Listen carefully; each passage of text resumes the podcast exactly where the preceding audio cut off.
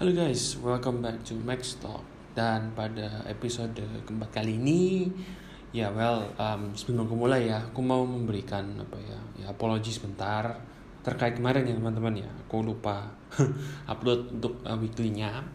Ya aku semoga dengan aku upload dua kali minggu ini ya Yang kemarin tentang uh, Better Tomorrow ya Max Talk Movies Dan kali ini minggu ini Max Talk Automotive kembali lagi diharapkan aku ke depannya bisa memberikan konten yang konsisten lah ya. Tidak ada lobang ada apa jadi aku bisa tetap ya semangat gitu kira-kira. Yes oke. Okay. ya kak, seperti yang aku bilang tadi aku akan kembali membahas tentang otomotif ya. Max Talk otomotif kita kembali lagi. Yang yang kedua ya dan aku di sini mau akan membahas something yang gimana ya? Kalian bisa relate dan kalian bisa praktekkan lah di dunia nyata itu aku akan menjelaskan seputar tentang Mercedes ya E-Class generasi ketiga yang disebut Mercy Mini dan juga aku akan memberikan tips ke kalian nih ceritanya. Kalau mau beli apa apa aja yang dibutuhkan lah yang kalian harus cek yang apa harus dilihat harus dipastikan. Nah seperti ini untuk uh, Max Vlog kali ini. Dan kita lanjut ke part berikutnya Oke, okay, jadi untuk uh, from the history ya dari sejarah sendiri, sebenarnya Mercy E-Class itu sudah ada dua generasi sebelum Mercy Mini ini. Jadi itu E-Class pertama tahun 1993. Jadi itu uh, kembaran dari Mercy Ponton atau Mercy Kentang ya di sini disebutnya.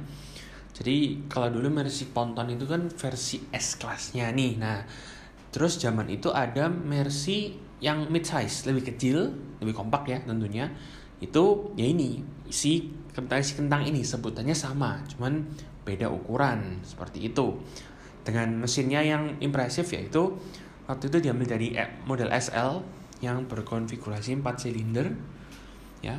Itu teknologi canggih banget di zamannya ya.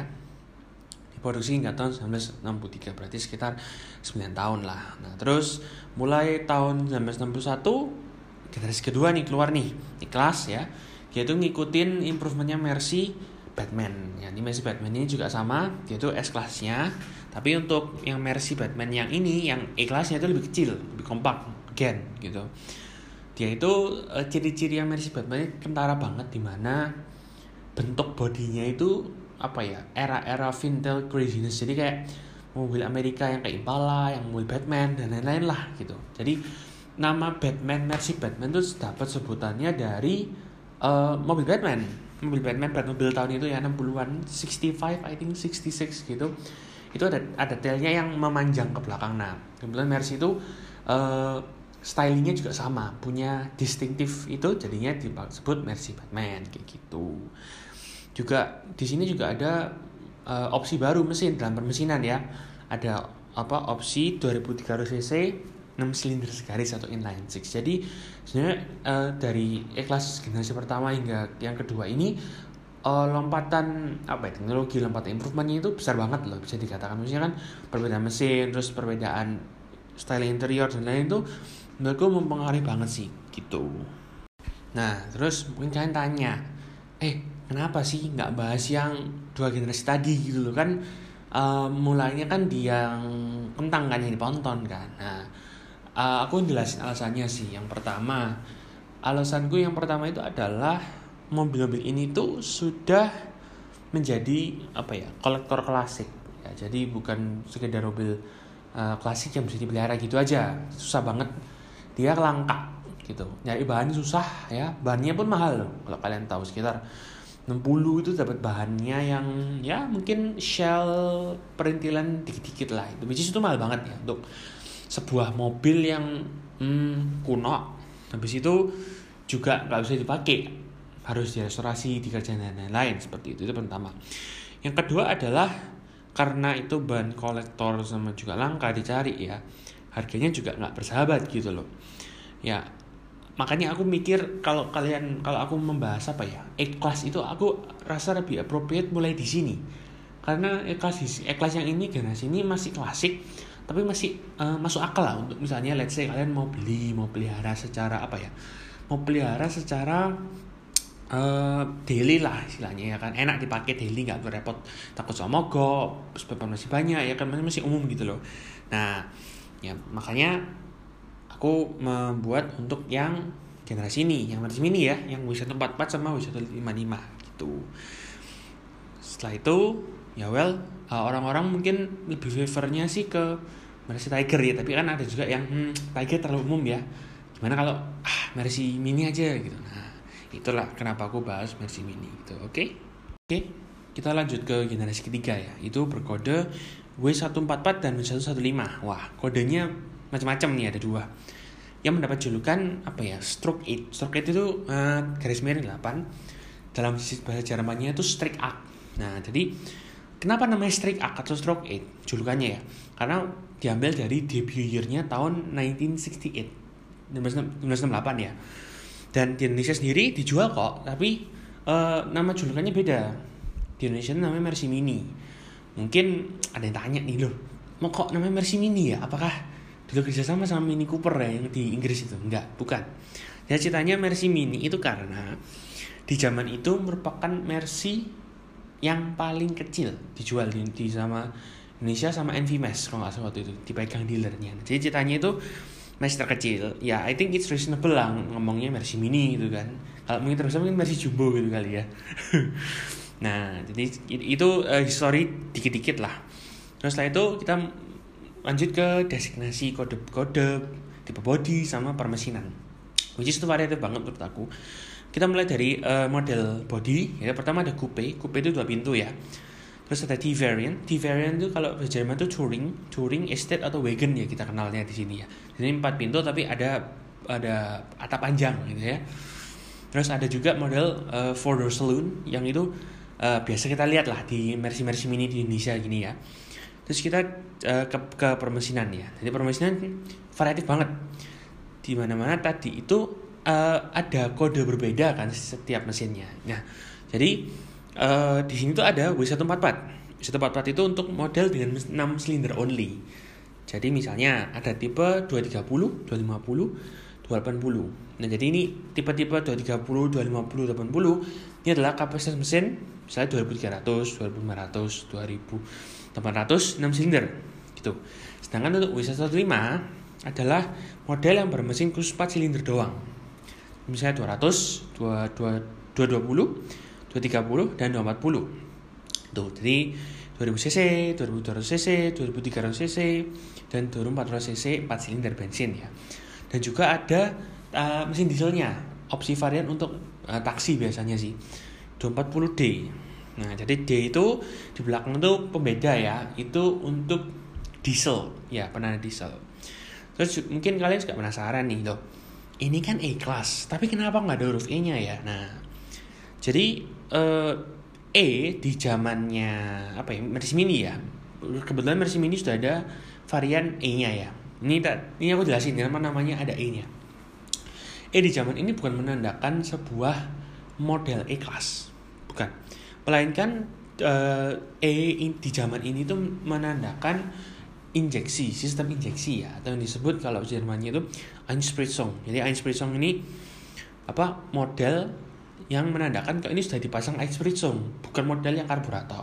Ya karena uh, Mercy Mini zaman itu tuh ada yang karburator kebanyakan mostly karburator. Dan kayak tipe uh, tipe Einspritzung tipe E ini jarang banget seperti itu kira-kira. Nah, mes, uh, sedikit information FYI, Mercy Mini, uh, sorry maaf, Mercy yang sudah mendapatkan julukan E-Class itu Mercy Boxer facelift, jadi masterpiece tahun 945 ke atas gitu kira-kira sih. Nah, sekarang kita masuk ke sisi inovasi ya. Tentunya di dalam sebuah apa ya automobil pasti ada inovasi dari time to time ya. Itu direflek dari namanya model mobilnya. Ya, ini untuk Mercy E-Class juga no exception ya. Di mana kalau di zaman itu ya kita mulai dari Mercy Kentang, Mercy Mercy Mini ini itu juga uh, improve a lot lah since uh, pertama kali dia debut tahun 53. Jadi pertama kita lihat yang permesinan ya tadi Einspritzung di mana Einspritzung ini sebenarnya hanya available di tahun-tahun terakhir. Jadi uh, kan kalau Mercy Tiger dia produksi tahun 75 76 gitu ya. Sedangkan kalau Mercy Mini sebenarnya udah ada nih tahun uh, Einspritzung modelnya yang pakai Einspritzung cuman baru ada available tahun 75 74. Jadi uh, ayah-ayah produksi di mana? Jadi ceritanya kan Mercy Mini ini kan mau mau berakhir nih dengan Mercy Tiger. Tapi eh, tentunya sebelum itu berakhir ada mesin yang baru dimasukin gitu loh. Jadi kayak pre hmm, apa ya pre predecessor lah ke mesinnya. Seperti itu. Jadi kayak mesin mesinnya baru tapi dipakai di mesin ini dulu supaya tahu oh ini mesin ini kayak gini gitu loh. Nah juga uh, sebenarnya selain itu juga ada uh, Einspritzung nih tapi yang versi elektronik.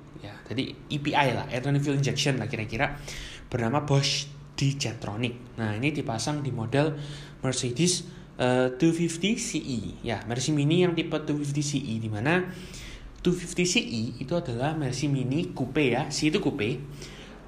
Bermesin 2500 cc 6 silinder. Ya Einspritzung juga. Tapi uh, untuk Einspritzung yang model di Jetronic ini hanya available di tipe 250 CE ini.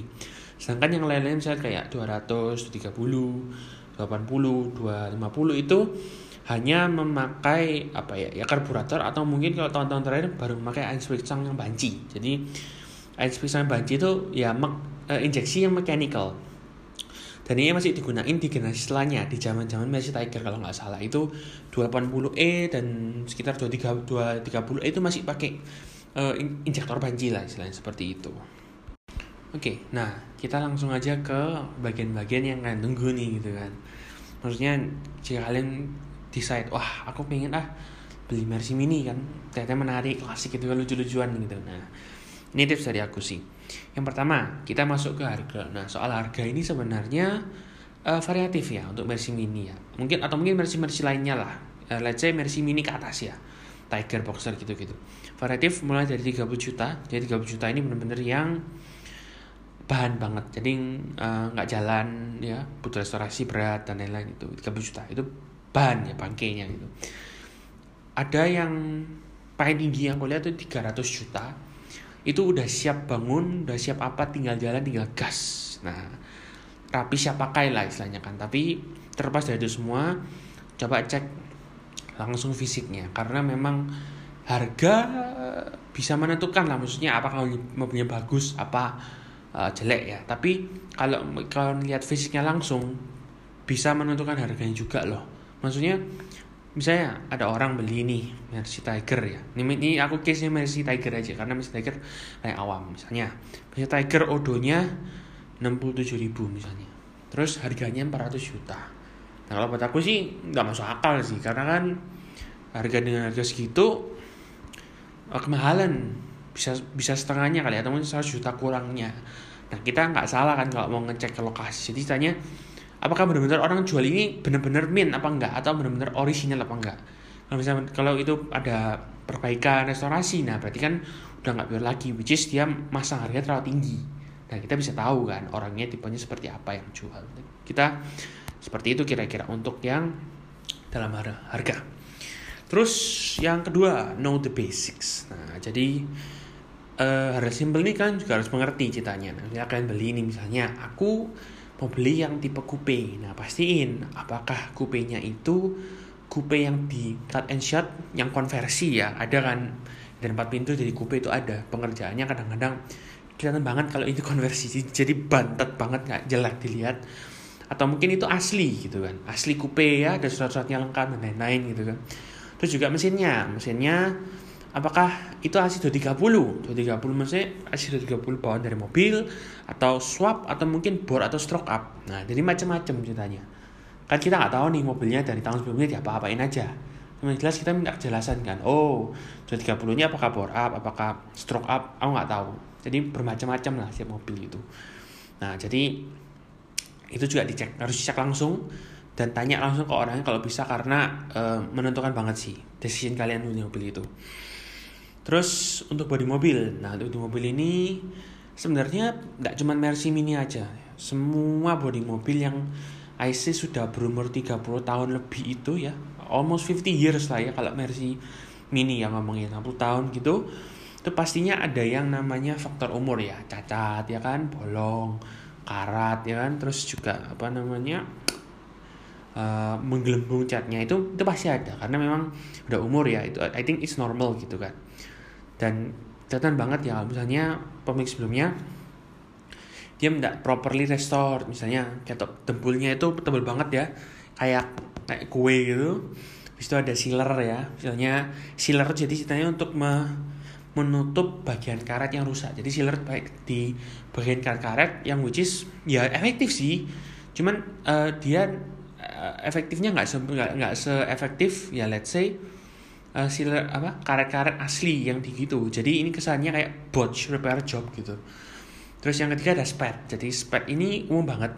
Maksudnya kayak mobil-mobil yang catnya itu sudah pudar, sudah apa, pasti disepet untuk memberikan fresh look tapi tidak perlu repaint. Ya itu masih wajar menurut tahu karena spare-spare itu apa ya? Ya costnya nggak sebegitu besar tapi uh, I think it's necessary lah. Misalnya mobil tahun segitu butuh spare-sparean. Nah itu kalau untuk daily ya. Tapi kalau untuk kolektor beda cerita ya. Bisa di restorasi bisa apa? Who knows gitu kan. Nah yang perlu perhatian adalah yang pertama adalah titik karat. Jadi titik karat ini penting karena titik karat itu muncul di daerah yang strategis lah. Jadi kalau misalnya muncul di daerah strategis terus dia bolong, nah itu bahaya nanti bisa mengefek pada keamanan berkendara kalian. Terus yang kedua adalah lantai mobil. Jadi lantai mobil ini adalah kedua hal yang uh, utama ya.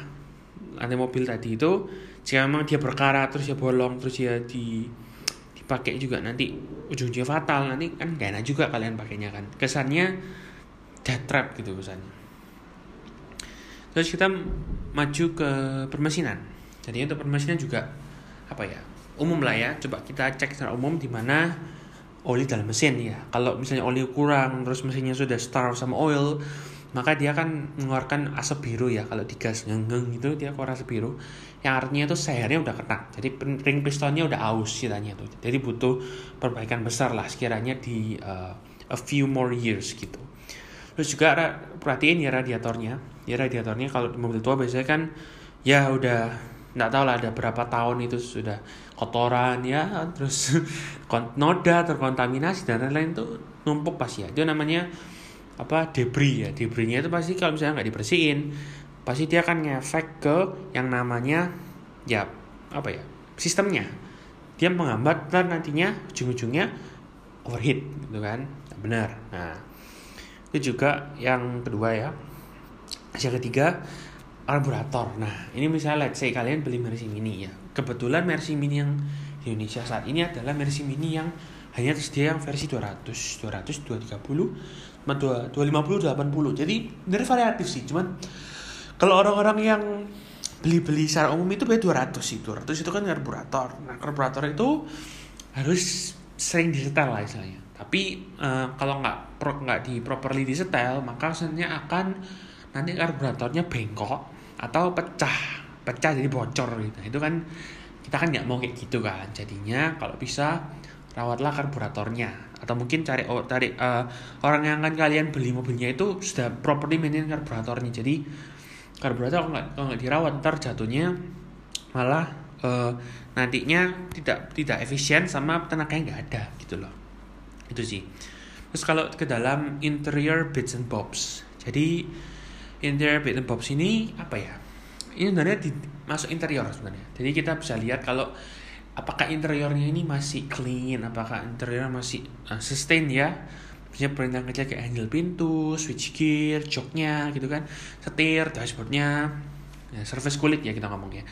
Uh, apakah ada yang copot apakah ada yang terkelupas ada yang pecah dan lain-lain. Nah sebenarnya ini masalahnya apa ya? Mungkin sepele sih alah joknya pecah. Nah gitu kan. Emang joknya pecah rek. Nah tapi faktor ini penting loh karena apa ya? Ya kan dalam kenyamanan dan keamanan lo kan gak enak kan? Misalnya kan nyetir terus tiba-tiba ada rasa kasar di joknya kan ah kurang nyaman aja terus kedua misalnya switch gearnya buat tombol-tombol hilang kan kalian repot pas nyetir kan. Kesannya nanti membahayakan malah gitu. Jadi uh, saran perhatiin lah untuk interior bits and bobsnya karena ini penting banget ya. Tujuannya itu supaya ya apa ya? Supaya kalian nyaman aja dan secara estetika tuh terjaga teman-teman gitu Terus kita ke 6, suspension department. Nah, ini ke 6 ya, suspension department. Jadi untuk suspensi ini Mercy sebenarnya dikenal nyaman banget ya dibandingin BMW. Jadi kalau BMW itu sporty, kalau Mercy itu nyaman-nyamannya gitu. Jadi uh, apa ya? kelebihannya Mercy seperti itu dibandingkan brand-brand lain lah terus ada kekurangan ya di mana kekurangannya itu yeah, because it's a 40 year old car ya. Maybe even more ya. Kalau tahun 70 berarti 50 kalau tahun 68 ya berarti 52 eh maaf 53 which is ya tua lah itu hitungannya ya. Sudah uzur gitu. Terus berarti kan ya apa ya naikannya ya. Kalian coba nanti kalau misalnya mau beli Mercy Mini test drive. Test drive sekiranya apakah naikannya enak atau keras atau gimana. Terus juga suaranya tuh suara berdecitnya kayak kaki gitu kan. Itu pasti kerasa gitu kan oh mobil ini udah minta minta jajan gitu kan.